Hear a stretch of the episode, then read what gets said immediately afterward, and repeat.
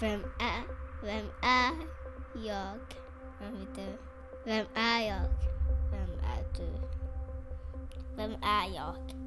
Vem är jag? Vem är du? Vem är jag? Vem är jag? Vem är jag? Vem är jag? Vem är jag? Vem är jag? Vem är jag? Vem är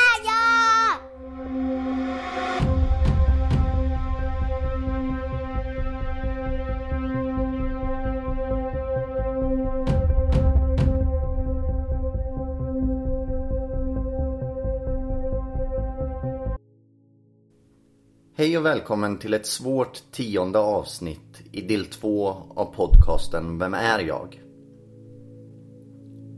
I det här avsnittet möter jag Carolina Faraj som på sin Facebook beskriver sig själv som en manshatande lesbisk feminist. Vi möts i ett självutlämnande samtal om en barndom kantad av sexuella övergrepp, kvinnohat som föder manshat och min osäkerhet i min egen historia av våld. Jag är tacksam över den ärliga, öppenhjärtiga och respektfulla ton som samtalet kantas av.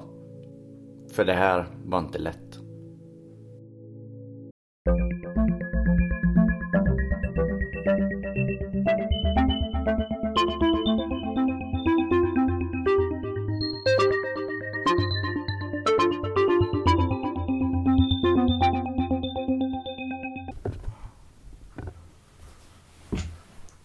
Då så. Ja. Då ska jag ta fram här så ska jag köra en, en liten snygg inledning som jag tycker jag är nöjd med. Eh, Jag ska läsa hur du beskriver dig själv på Facebook nämligen. Okej. Eh, och då säger jag så här. Jag vill hälsa dig Carolina Faraj välkommen till podcasten Vem är jag? Tack. Du är en svensk-palestinsk muslim och lesbisk manshatande feminist. Du är hon som tar jobben och brudarna. Ja, Skriver du på Facebook. det är jag. Eh, kul att du ville vara med i min podcast. Kul att vara här. Du är i Norrköping för att eh, hålla en föreläsning på ABF Mm. under rubriken Min historia incest. Ja. Eh, jag tänker att, att vi börjar där helt enkelt. Och jag vill att du berättar lite om, om din historia helt enkelt. Ja, min historia är så att jag är uppvuxen med min mamma och pappa och två yngre bröder. Eh, och när jag var fem år gammal, egentligen våldet hemma började innan. Eh, några av mina första barndomsminnen är att pappa var väldigt aggressiv hemma och slog och sådär. Väldigt kontrollerande. Det sexuella våldet började när jag var fem. Eh, och eh, det började med antastningar och eh, krav på att jag skulle ta på honom på intima ställen och så.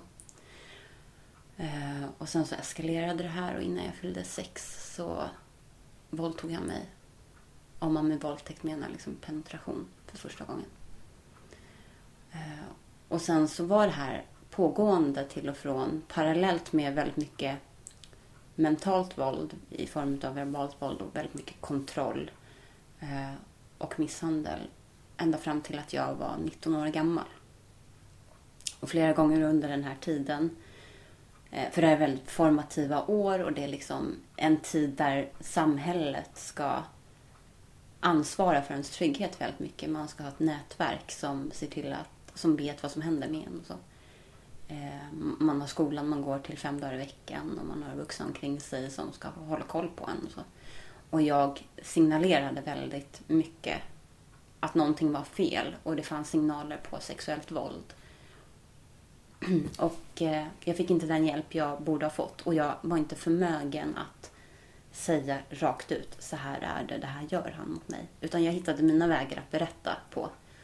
Och vuxenvärlden ville inte se många gånger och ibland kanske inte såg eh, vad det var som pågick. Mm. Mm. Eh.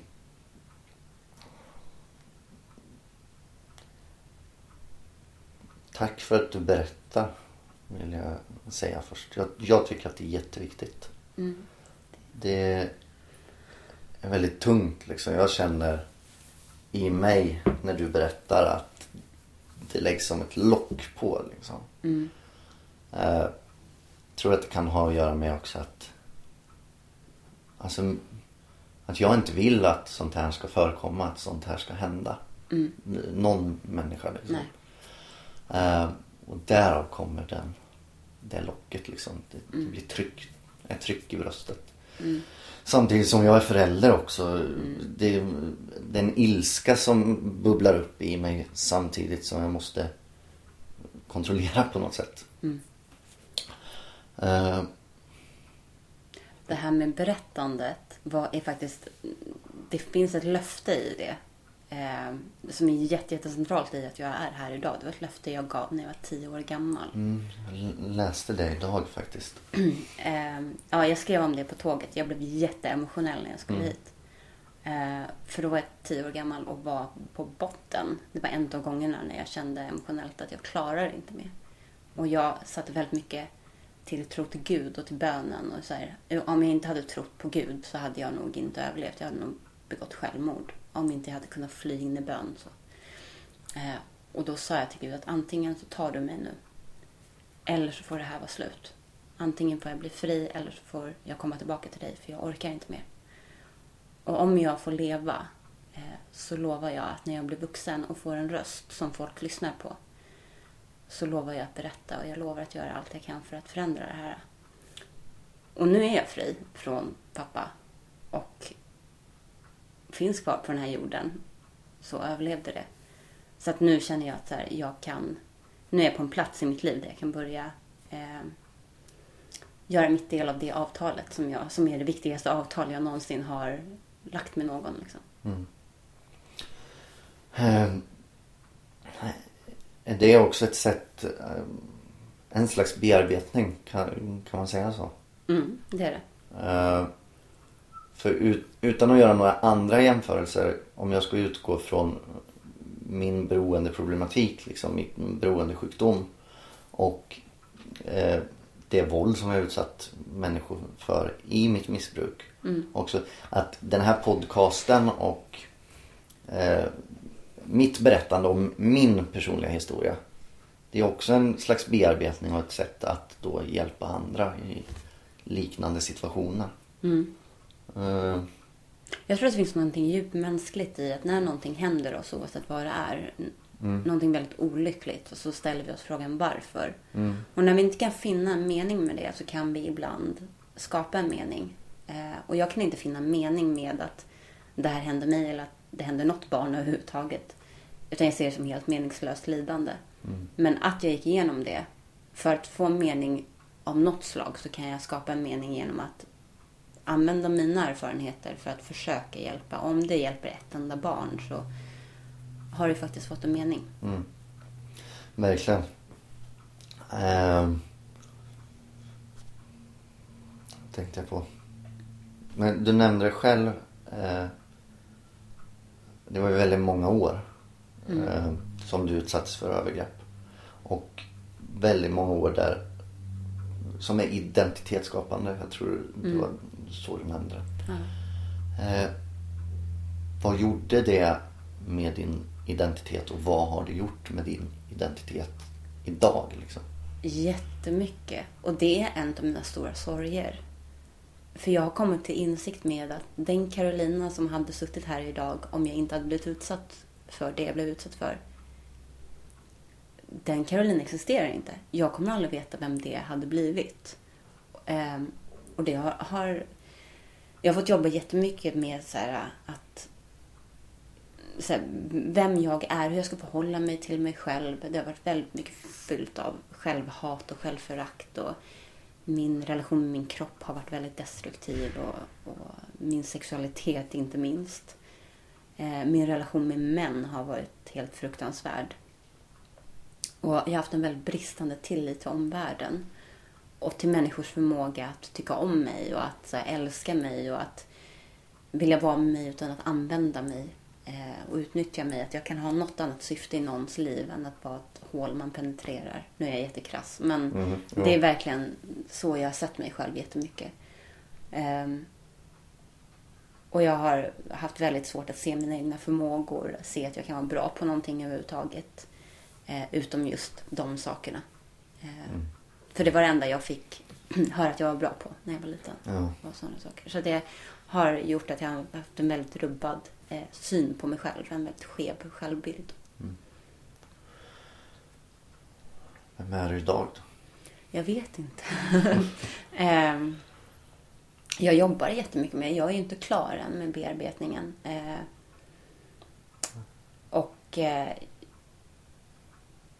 Men jag vet att...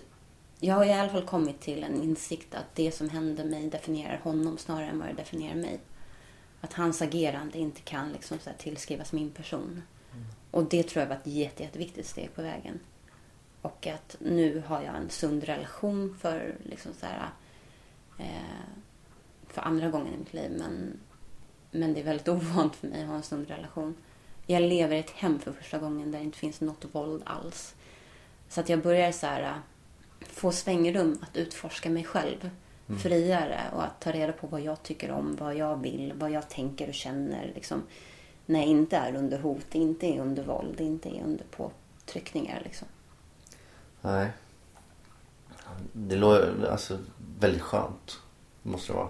Ja, och läskigt. Och läskigt. Ja. Mm. Det, alltså en, jag tänker en förskjuten mm, tonårstid liksom. Eller vad kan man säga Ja. så? Att det, det är nu som det får börja ta form och hitta och utforska olika vägar. Precis. Det är lite, jag får ta igen lite barndom och lite ungdom och lite Ja. så här. Ja. Ehm. Det var... Det är 11 år sedan nu. Sista gången. Med övergrepp blir det va? ja, det är det. Det är ju... Hur tog du dig... Alltså hur kom du ut på andra sidan liksom? Alltså hur upphörde det? Det, alltså det är lite märkligt. För att jag vet inte riktigt. Alltså, jag kan inte definiera vad det var med den händelsen som gjorde att det blev den sista. Mm. Eh, riktigt. Men jag började stå upp mot honom mer och mer. Och jag började utmana hans makt mer och mer. Eh, och sen så hade övergreppen blivit glesare. Eh, det var inte lika ofta längre. Eh, och det är också så här när man säger från 5 till 19 år. Det var inte varje dag under de Nej. åren. Då hade inte jag suttit här idag, det kan jag garantera. Eh, utan det var till och från. Och i vissa perioder var det tätare än andra. Liksom. Och här hade det avtagit en del eh, när jag var 19. Och jag hade eh, fått andra umgängen och jag hade börjat trotsa honom väldigt mycket. Och eh, jag kände att så här, nu, nu är det slut. Nu, nu måste det ta slut. Och jag tror att han på något sätt tappade lite av sin makt, i alla fall när det kom till det, i min säkerhet på att du kommer inte få röra mig igen. Liksom. Ja, det...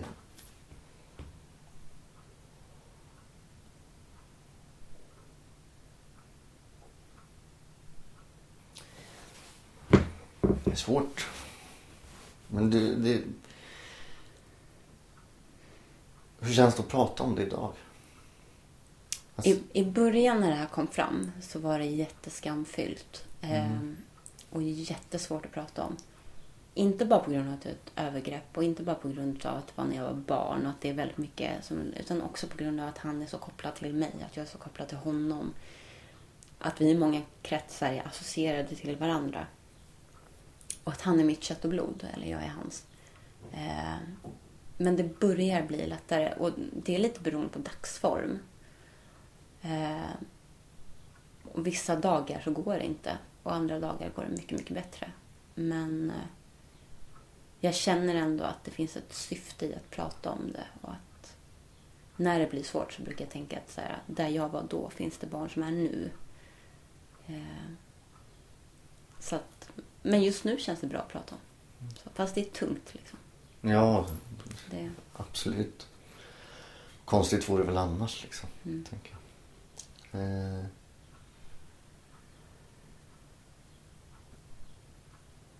det, det sattes ju en rubrik på den här som du, den här föreläsningen Ja. som du berättade om. Eh, projektet heter Min historia och just Mm. den här föreläsningen har underrubrik incest. Och det Mm. här är ett ord som är jättestigmatiserat och jätte, jätteladdat.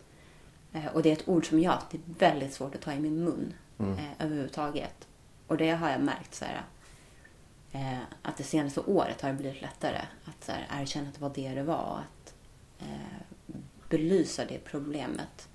För det har varit ett av de här orden som jag nästan har haft beröringsskräck kring. Eh, för att det är ett väldigt laddat och stigmatiserat ord. Mm. Mm, Det är det ju och det är därför det här bland mycket annat som är stigmatiserat är så viktigt att prata om tänker jag. Mm. Eh, och just som du säger för att hjälpa åtminstone ett barn kanske. Mm.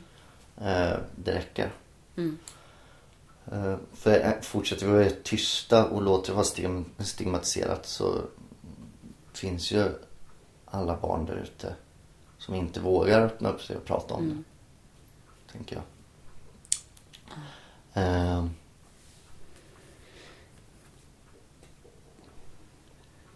det är så svårt också, tänker jag, att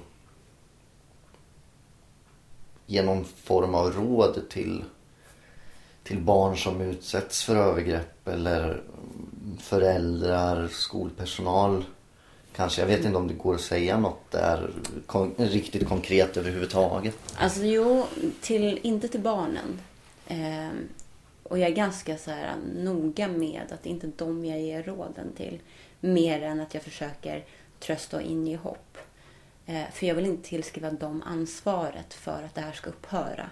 Utan det är vuxenvärldens ansvar. Och det är vuxenvärldens ansvar att lyssna till de ord barnen inte kan säga. För barnen kommer inte komma till dig oftast och säga min pappa våldtar mig. Utan barnen kommer att visa på olika sätt genom olika signaler att någonting är väldigt fel. Och det är ett berättande. Eh, och det berättandet måste man lyssna på.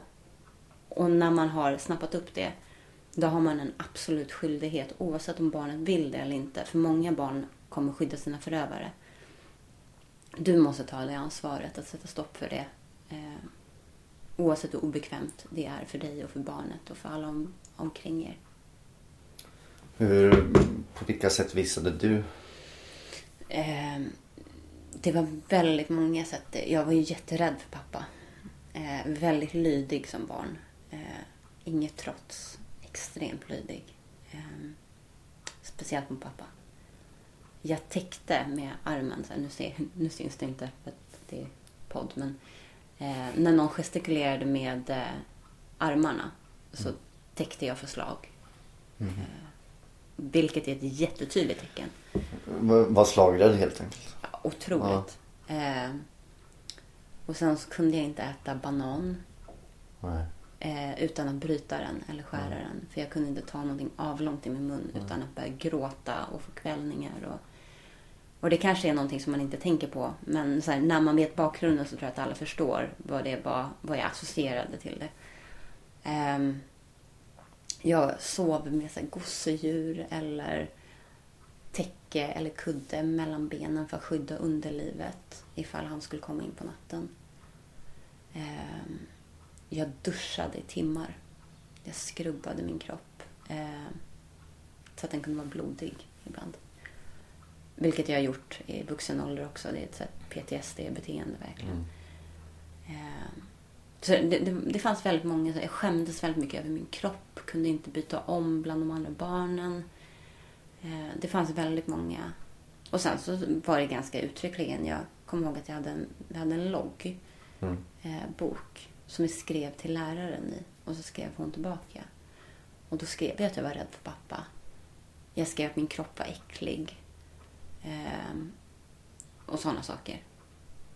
Mm. Och det är ju, då borde man ju... Mm, Ja, det är tydligt om något. mm. Tänker jag. Även... Alltså att det är något fel. Mm. Just då.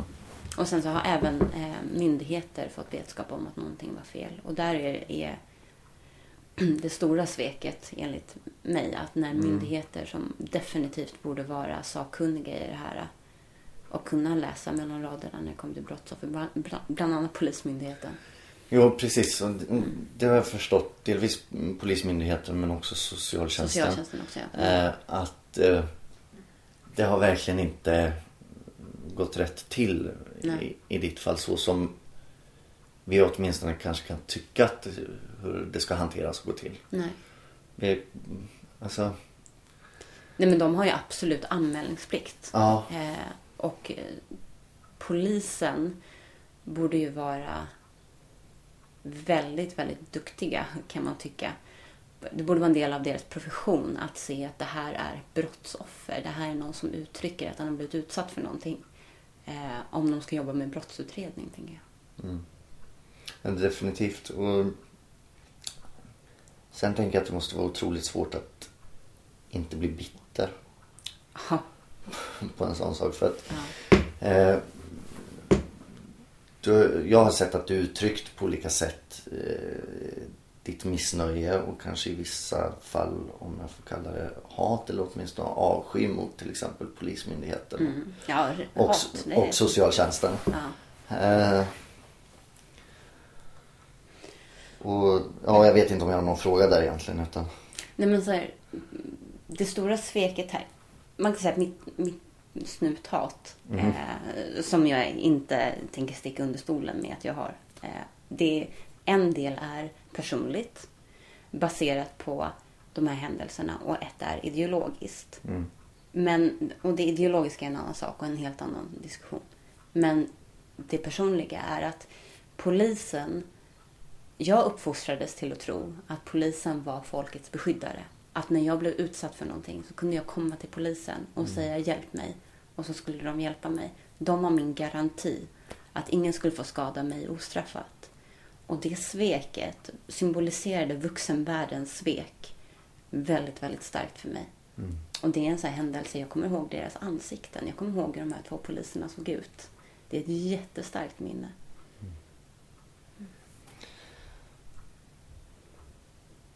Mm.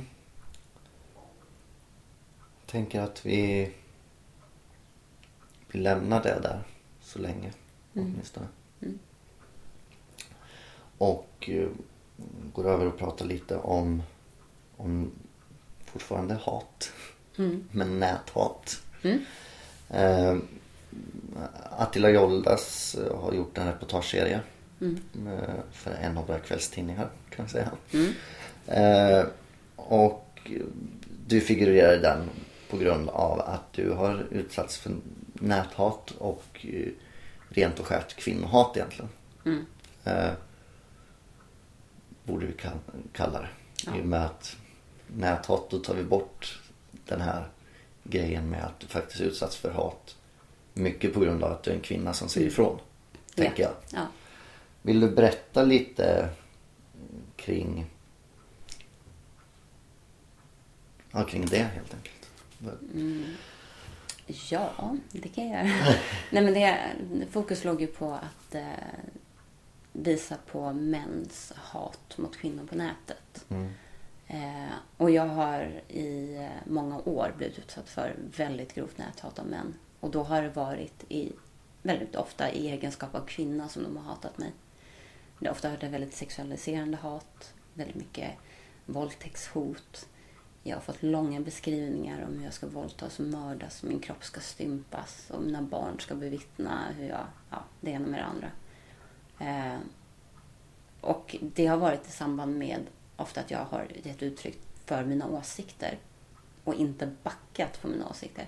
När det har varit gällande feminism och antirasism främst Mm. så har det triggat män otroligt mycket. Vilka forum har du framfört det liksom? Så att du har bloggat? eller? Ja, eh, halvhjärtat har jag Halv- bloggat. halvhjärtat. Eh, men sen så har det varit mycket på Twitter. Mm. Eh, där jag har fått ganska mycket spridning ofta. Eh, och även på Facebook. So- sociala medier. Eh, och även när jag figurerat i media, alltså massmedia. Mm. Där man får mycket mer spridning liksom, Jo. av naturliga orsaker, så har det eskalerat ännu mer. Liksom. Eh, så att, eh, Det är väldigt vanligt det här kvinnohatet. På nätet framförallt tänker jag. mm. Hur ska vi som gemenskap, alltså samhällsgemenskap kunna stävja det tänker du? Ja, Alltså jag tror att det är flera saker man måste göra. För det första måste man förstå hur det här hatet ser ut och vad det är ett uttryck för. Och att det finns det här näthatet mot kvinnor. Men det är egentligen samma hat som kvinnor möter i sin vardag, i det fysiska livet hela tiden. Och som vi möter i våra familjer ofta, misogyna kommentarer och beteenden. Och även på stan. Men nu när det hamnar på nätet så blir det så mycket tydligare för det är svart på vitt.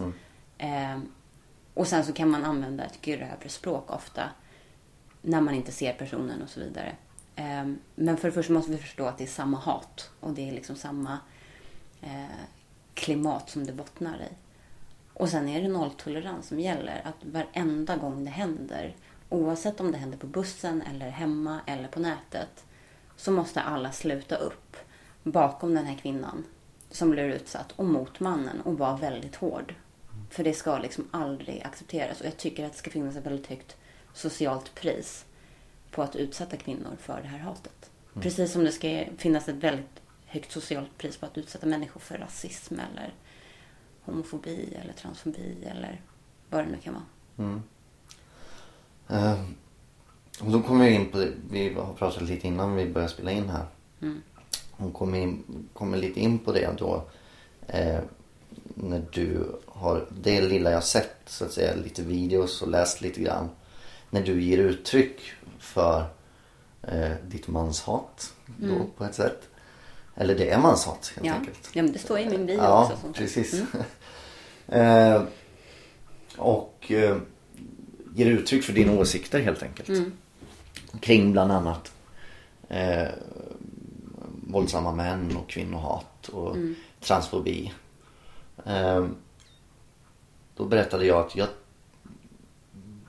blev arg Mm. när jag hörde en video. Irriterad och arg. Tyckte att du hade en väldigt hård eh, retorik. Eh, och har fått reflektera över det liksom. Mm. Och det har ju delvis med att göra att jag känner mig träffad. Eh, delvis bara som att jag tillhör eh, den manliga kategorin så att säga. Eh, sen också att jag är en man som utsatt kvinnor för våld eh, på olika sätt. Det finns fem olika grund, grundvåldstyper tror jag. Eh, och jag har utsatt kvinnor för, jag tror samtliga de grundtyperna liksom genom min historia. Och där blir ju också en, en kontakt i, i dina åsikter eh, och din retorik som tar på mig. Även fast att jag kanske eh, idag inte är den personen som jag var då. Det är, det är så krångligt att och förklara det här för jag, jag är ju fortfarande samma person fast jag har andra värderingar kanske eller eh, förändrat mig på något sätt. Men det, det tog hårt på mig och jag tyckte att nej, var inte så radikal, det hjälper ingen. Och, men du ska, få, du ska få förklara varför du tror att, Jo. att det är viktigt. Ja, jag tror att det är jätteviktigt. Och jag tycker att din reaktion på det är bevis på att det behövs. Eh, för att om jag ska prata om patriarkatet inför män. För det första så föredrar jag att i huvudsak rikta mig till kvinnor. För jag vill satsa jättemycket på systerskap och att stärka kvinnan. Jag tror att det behövs jättemycket. Men när jag pratar om män och med män så vill inte jag att det ska vara bekväma samtal. För att om du är bekväm i din mansroll, om du är bekväm i patriarkatet, om det inte gör ont i dig, då kommer vi aldrig kunna förändra någonting tillsammans. Om män vill vara med och förändra det här, så måste män börja hata det här först. Ni måste, det måste göra ont i er. Jag måste få såra er. För det här har sårat mig i hela mitt liv. Och, det, och jag är långt ifrån ensam. Jag är långt ifrån unik i det här. Så det här måste få träffa er. Det måste få göra ont. Eh, Så jag tycker det är bra att du blir upprörd och jag tycker det är bra och dessutom reflekterar du över det själv och det är inte alla män som gör det. Det är inte alla män som tar den eh, den vändan eh, och stannar upp. Ehm, Samtidigt så kanske jag inte har varit helt själv i det tänker jag. Min, min flickvän kan ha hjälpt till en hel del i den, den reflektionen liksom. Ja, jo. Eh, så att eh, jag kan inte ta åt mig någon slags ära helt och hållet Nej, för att eh, Men- ha tagit den, det valet liksom. Men det jag önskar att män kunde göra när de hör mitt manshat. Eh, det är att... Så här, jag förstår att det väcker känslor och det ska väcka känslor. Det är bra. Men du är en man och du har betett dig illa. Eh, och därför känner du dig träffad. Men om du och jag kan enas i en ilska, en frustration och ett hat och ett avsky mot det du har gjort och det du har gett uttryck för. Det behöver inte handla om att vi ska hata dig som person. Om vi bara kan hata det här manliga beteendet som innebär våld, som innebär allt det som maskuliniteten för med sig. Om vi kan enas i ett hat mot det. För det är det jag ger uttryck för. Det handlar inte om att du, du att du använder ett visst pronomen, att du har ett visst namn, att du har en, ett juridiskt kön, att du har en biologi. Det är inte det jag syftar på när jag pratar om mannen. Det jag syftar på är den patriarkala mannen eh, och mannen som en social konstruktion. För att annars så hade, annars hade ju mitt manshat varit helt galet. Och det, ja, och det, det är det jag tänker många gånger att det här ordet manshat eller manshatande feminist. Att det är det det betyder. Och det var så jag försökte förklara för en man i en diskussion på Facebook när eh, han skrev ner manshatare att det är inte okej att hata män. Och då försökte jag förklara det enkelt nu liksom att ja, men det är inte det är inte för att du har snopp eller någon annan har snopp som Nej, det, det är inte det som gör det, en till det är man. hat liksom. Det är inte manshat utan Nej. det är just det här, de här strukturerna som är Det finns ju, det finns ju inget kön kopplat till Nej. genitalier eller till eh, kromosomer. Alltså allt det här som eh, patriarkatet har tutat i oss. Att det innebär att vara en man eller innebär att vara en kvinna. Det är inte det jag syftar på. Liksom. Eh, och, eh, och så. Så det, och sen så jag är ju radikal feminist. Om man läser radikalfeminismen. Ja. Eh, på tal om att jag är radikal. Ja. Eh, nej, så, så det var det jag fnissade åt. Ja, precis. Eh, och det är en inriktning. Det är inte bara så här. Definitionen på en radikal feminist är inte så här super, super arg feminist. Utan det Fast är en, är ganska Jag är en jätte, jätte arg radikal feminist. Förvisso. Men det är inte det som gör mig till en radikal feminist. Utan det är en väldigt specifik analys av hur ser patriarkatet ut? Vad är kön för någonting? Och hur ska vi störta patriarkatet? Och hur skadar det oss? Liksom? Eh, och i radikalfeminismen är det väldigt centralt att kön är en, en av patriarkatet skapad social konstruktion. Eh, som vi lever efter och förhåller oss till hela tiden. Verkligen. Och där jag har ju alltid, alltså alltid höll jag på att säga men sen då som vi också har pratat lite om tidigare. Sen mitten av högstadiet nå- någonstans så har jag definierat mig som feminist. Eh, sen har inte jag alla gånger varit eh, så införstådd i vad feminismen betyder och i stort, rent generellt. Men sen också de olika delar av feminism som finns i samhället. Eh, samtidigt då som, som jag har begått våldshandlingar, upprätthållit patriarkala strukturer. Eh, velat framstå som den typiska manliga macho kanske. Eh, det är väldigt lätt där eh, också. Då. Jag, jag har varit inne och snuddat på, eller att det blir ett självförakt liksom. Men precis som du säger att det handlingarna vi måste fördöma. Ja, och mentaliteten. In, och mentaliteten, inte nödvändigtvis personen. Men, men sen, du är en man. Men du är också en människa. Eh, du är också en massa andra saker. Eh, och frågan är vad du väljer ska vara centralt i vad som definierar dig. Och jag önskar att så här, medmänsklighet och mänsklighet skulle vara mycket mer centralt i folk än manlighet. Manligheten är väldigt glorifierad och det förtjänar den inte att vara för den är associerad med väldigt mycket våld, väldigt mycket dominans och väldigt mycket saker som skadar människor. Och många gånger när män beter sig dåligt så bara, nej men det där är ingen riktig man. Jo, det är en riktig man. Det är manlighet i sitt essens att bete sig eh, på ett väldigt dominant och våldsamt sätt. Så att om män kunde bara, nej men jag värnar inte om min manlighet, jag värnar om min mänsklighet istället och ha en ödmjukare ställning till det. Så tror jag att den här kränktheten skulle minska faktiskt.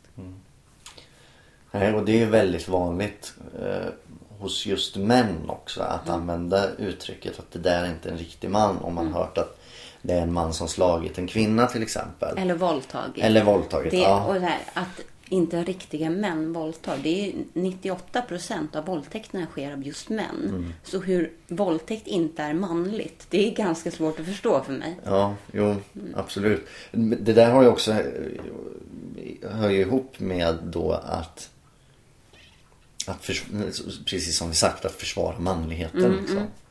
Eh, på ett skevt sätt då. Ja. För man fördömer något som, något som är så ofantligt manligt. F- Fördömer man och försöker låtsas som att det inte är manligt för att upprätthålla Ja. manligheten. Liksom. Precis. Eh, ja. Nej, och så kan vi väl nämna något, något mer som jag blev upprörd av just i här, den här videon. Eh, att ehm, ehm, nu kommer jag inte ihåg riktigt hur du sa men eh, Oftast är det ju det första om det är någon som har, man som har våldtagit en kvinna eller mördat en kvinna, sitt ex.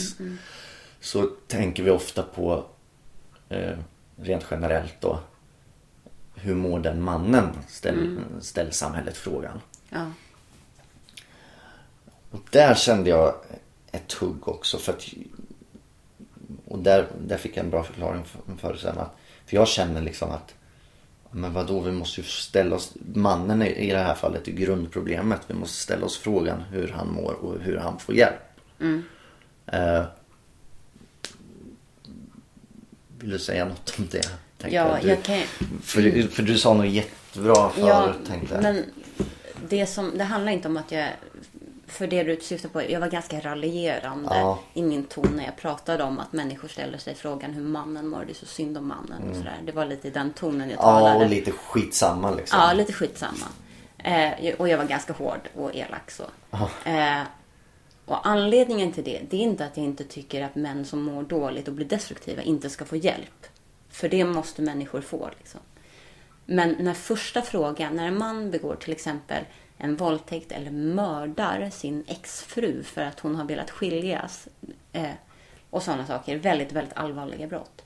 När första frågan är hur han mår och vad han haft för barndom, då blir det ett hån mot brottsoffret. För man lägger fokus på hans välmående istället för att prata och fördöma honom och hans handling och lägga fokus på hur offret mår om offret nu lever. Och för att gå tillbaka till min pappa, det var det jag berättade för dig innan vi gjorde intervjun också. Ehm, att när folk får reda på vad han har gjort eh, så är en av de första frågorna, men gud, hur mår din pappa? Han måste ju må så dåligt. Och så här, mitt krassa svar är så här, ja, det hoppas jag verkligen att han gör. Men när man lägger fokus på hur han mår eh, för att han har begått de här hemska handlingarna, när han har raserat hela mitt liv. Eh, och jag var nära på att dö på kuppen väldigt många gånger. Eh, så blir det ett felfokus där man återigen ska stryka honom medhårs istället för att skydda offren, värna om offrens upprättelse och trygghet och faktiskt fördöma de här handlingarna. Och att oavsett hur han mådde så hade han aldrig rätt att begå det blir sånt ursäktande. För oavsett hur du mår, så du får inte våldta din dotter. Du får inte mörda din fru. Du får faktiskt inte göra de här handlingarna.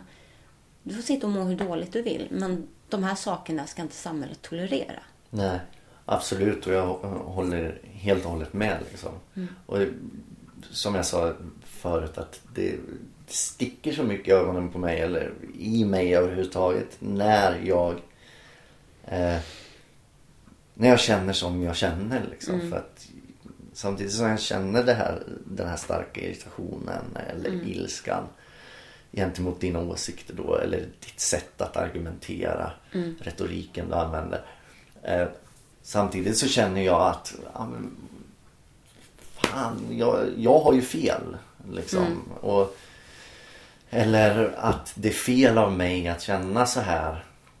Samtidigt så, som det är skönt då att, att jag har reflektionsförmågan och kanske kan få hjälp Ja, med reflektionsförmågan då. Ja. Att du känner något överhuvudtaget är ju Ja, jo. positivt.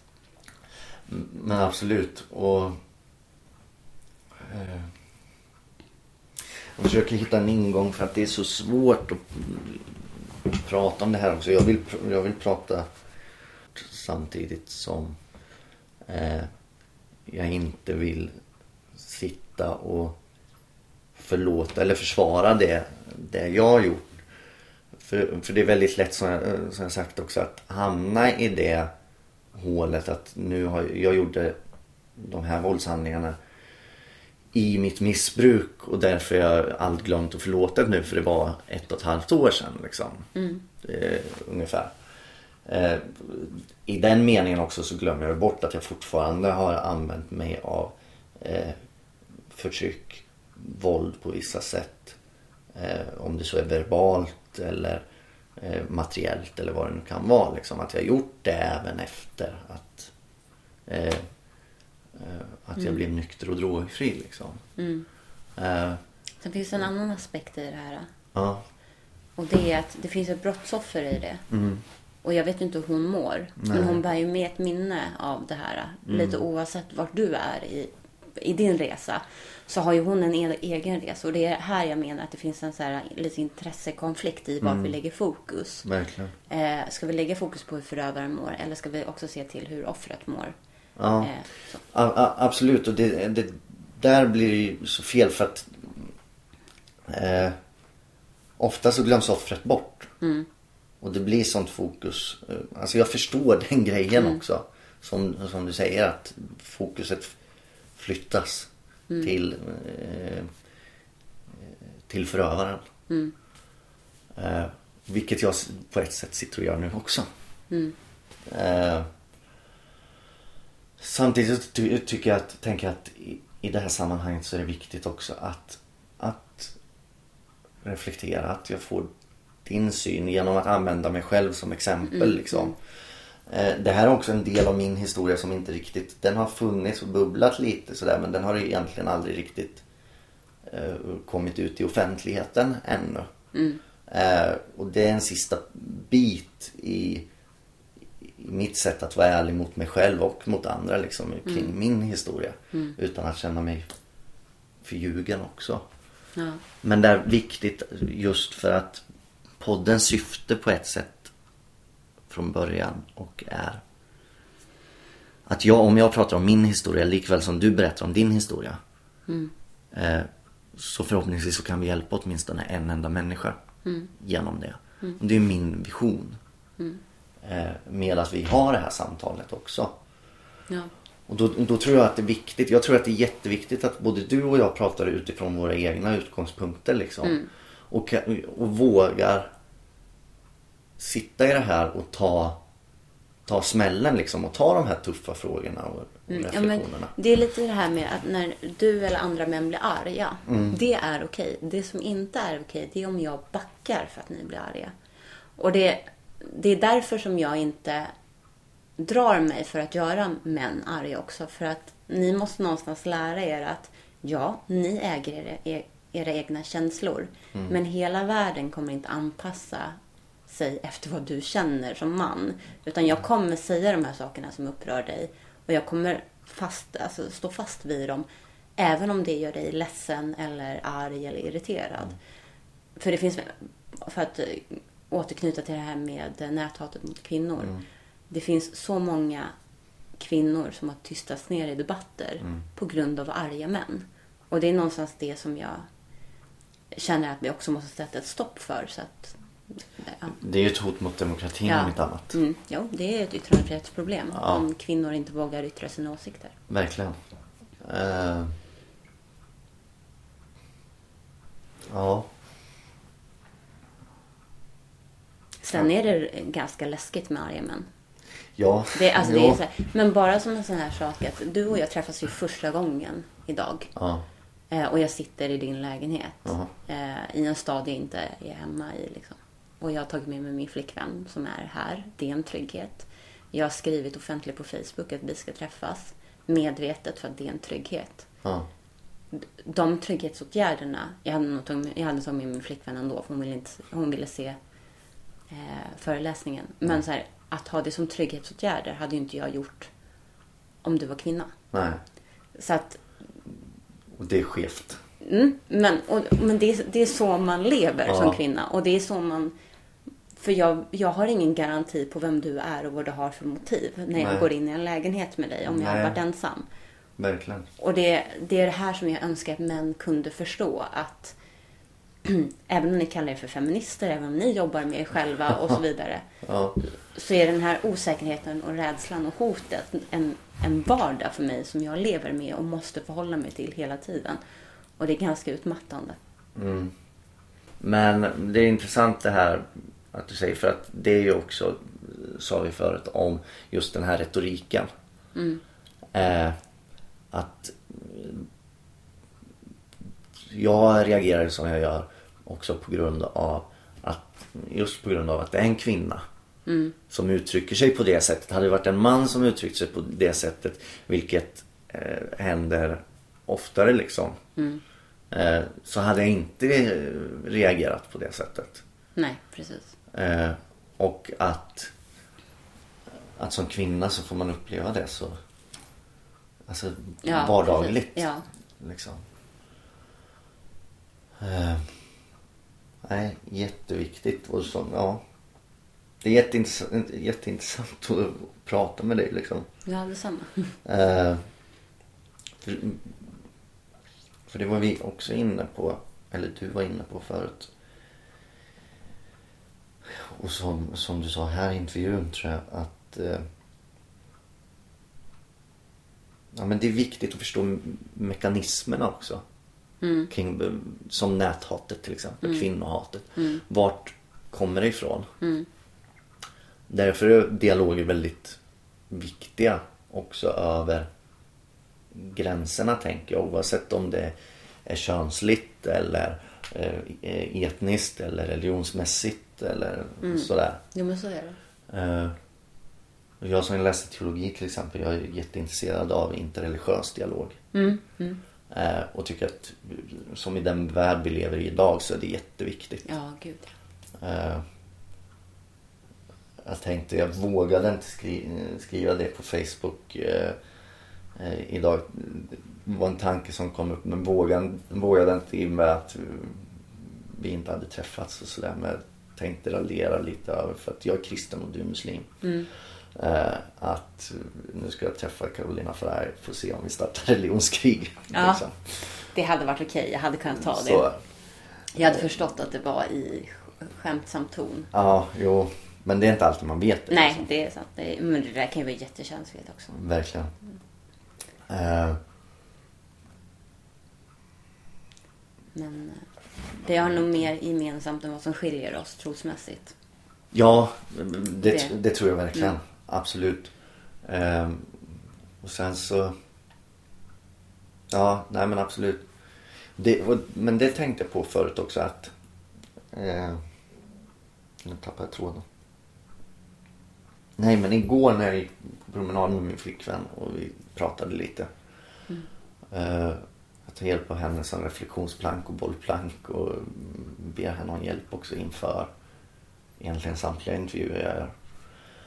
Eh, och då så sa jag till henne att när vi har skrivit till varandra på, på Messenger inför det här mötet. Så jag tycker att det är en helt annan människa som jag har konverserat med där än vad jag har sett på din vägg. På Facebook liksom. Eh, att det, och hur det kan vara en sån skillnad är intressant. Ja. På, just för att på din vägg så är det den här radikala feministen. Ja. Hatet. Ja.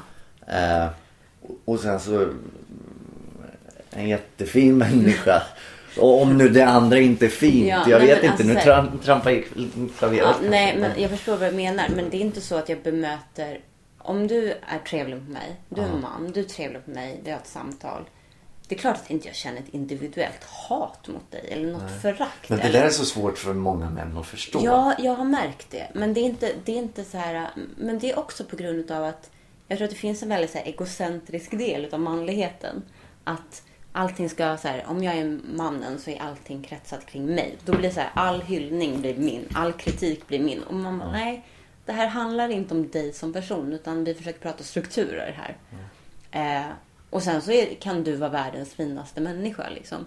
Och du, kan, du och jag kan bli bästa vänner. Du kan bli som en bror för mig. Jag kan älska dig in i döden. Men det kommer inte påverka hur jag ser på patriarkatet. Nej. För patriarkatet förblir detsamma för mig. Och det är väl för väl, Ja. tänker jag. Eh, samtidigt som hade du pratat om, som du nämnde förut, eh, klasskillnader till exempel. Så hade jag sett det på ett helt annat sätt än när du pratar om eh, mäns strukturer. Men när det är vänsterorienterade män som jag pratar med, som du ju är. Ja. Då brukar jag jämföra patriarkatet med kapitalismen. Och så brukar jag jämföra mannen med överklass och kvinnan med arbetarklass. För att visa på eh, att, liksom, att det är applicerbart med hur maktförhållandena ser ut. Och också så här, det är en klassfråga. Om man kollar på det materiella så äger män 99 procent utav tillgångarna. Jag menar, det finns en jätteklassskillnad mellan könen. Eh, och så vidare och så vidare. Så att jag försöker att vara lite pedagogisk där. Ja, men det, det. var väldigt bra tyckte jag. Eh, och också i, i det syftet då att för att försöka komma in i en dialog med någon som kanske är mindre villig då. Att kunna göra den jämförelsen till att börja med så det inte blir det här rakt på eh, utpekandet av mäns strukturer. Men att det blir en softare ingång, tänker jag. Eh, för att sen eh, bena ut det mer och mer. Jag vet inte. Jag tyckte sen- att det var väldigt bra pedagogiskt i alla fall. Ja, alltså jo, man får försöka vara lite... För att, att tillhöra en... Oavsett om man pratar om en ekonomisk klass som är privilegierad eller om man pratar om vithet eller om man pratar om manlighet. Så, så här, när du är den som har privilegiet, den som har makten så måste du också tillskrivas ett ansvar för vad du gör med den makten och att du faktiskt måste bidra till att, och det innebär att säga upp sig privilegier i slutändan. Och det är därför det här med manlig feminism är lite så här... ehm, jag tror inte alla manliga feminister inser att om vi ska störta patriarkatet så kommer saker bli obekvämt för dig. Eh, och det måste få vara det. Liksom. Ja, jättespännande. Jag vet inte, jag... tror jag täckte in det mesta som jag har tänkt på liksom. Tycker du att jag missat något? Är det något mer du vill prata om som du vill nämna? Liksom? Jag vet inte. Det är jättesvårt. Ja, det är jättesvårt. Och, Det här är alltså, jag- jättestora ämnen. Ja, ja, absolut. Och jag skulle kunna hålla på eh, hur länge som helst. Ja. Liksom. Eh, sen så måste jag tänka på att det ska bli uthärdligt att lyssna på också. Ja, just Det vi ska, de ska lyssna också. Ja, det Ja, får inte vara för långt. eh, nej, men vi, vi har pratat så mycket. Nu har vi upprepat oss lite sen det vi har pratat innan om. Mm. Men eh, ändå så vi kan fortsätta liksom. Och vi skulle kunna fortsätta sent in på natten tänker jag. Absolut. Och, eller vi ska göra det. Ja, det ska vi. Vi måste göra det. För att eh, det ska hända något. Ja. För att det ska bli förändring. Eh, och eh, jag som man får fortsätta att försöka självrannsaka Ja. mig själv och vad jag gör för att eh, riva ner de strukturella murarna. Eh, och eh, stötta kvinnokampen helt enkelt. Mm. Ja, du har ju en mycket klok flickvän. Det har jag verkligen. Mm, det har du. Eh, som jag inte alltid eller nej, inte alltid lyssnar på. Jag, jag eh, hugger ifrån oftast direkt. det är liksom tvär nej till något. Spontant så. Sen får jag gå ett tag och fundera och sen så får jag krypa till korset och säga att hon hade rätt oftast. Ja. Ibland försöker jag nog smita undan och liksom inte säga något utan bara, bara ändra mig och, och så försöka komma undan men hon... Låter som en klassisk heterosexuell relation det där. ja, men hon, hon är skarp så att... Ja, jo, det är hon verkligen. eh, hon, hon är jobbig. Det är bra. För hon kan plocka isär mig. Hon, hon känner mig så väl också så att eh, hon kan läsa mig väldigt bra. Eh, och är det något som hon eh, tvekar på eller eh, är osäker på eller om jag, har, om jag är motsägelsefull då, då dissekerar hon mig. Ja, det är bra. Ja. Är det någonting jag vill uppmana kvinnor till så är det att våga vara jobbiga. Och är det någonting jag vill uppmana män till så är det våga att ha det jobbigt. Mm. Absolut. Mm. Vi avslutar så tycker jag. Det kan jag. Tack ska du ha Tack för att du var med.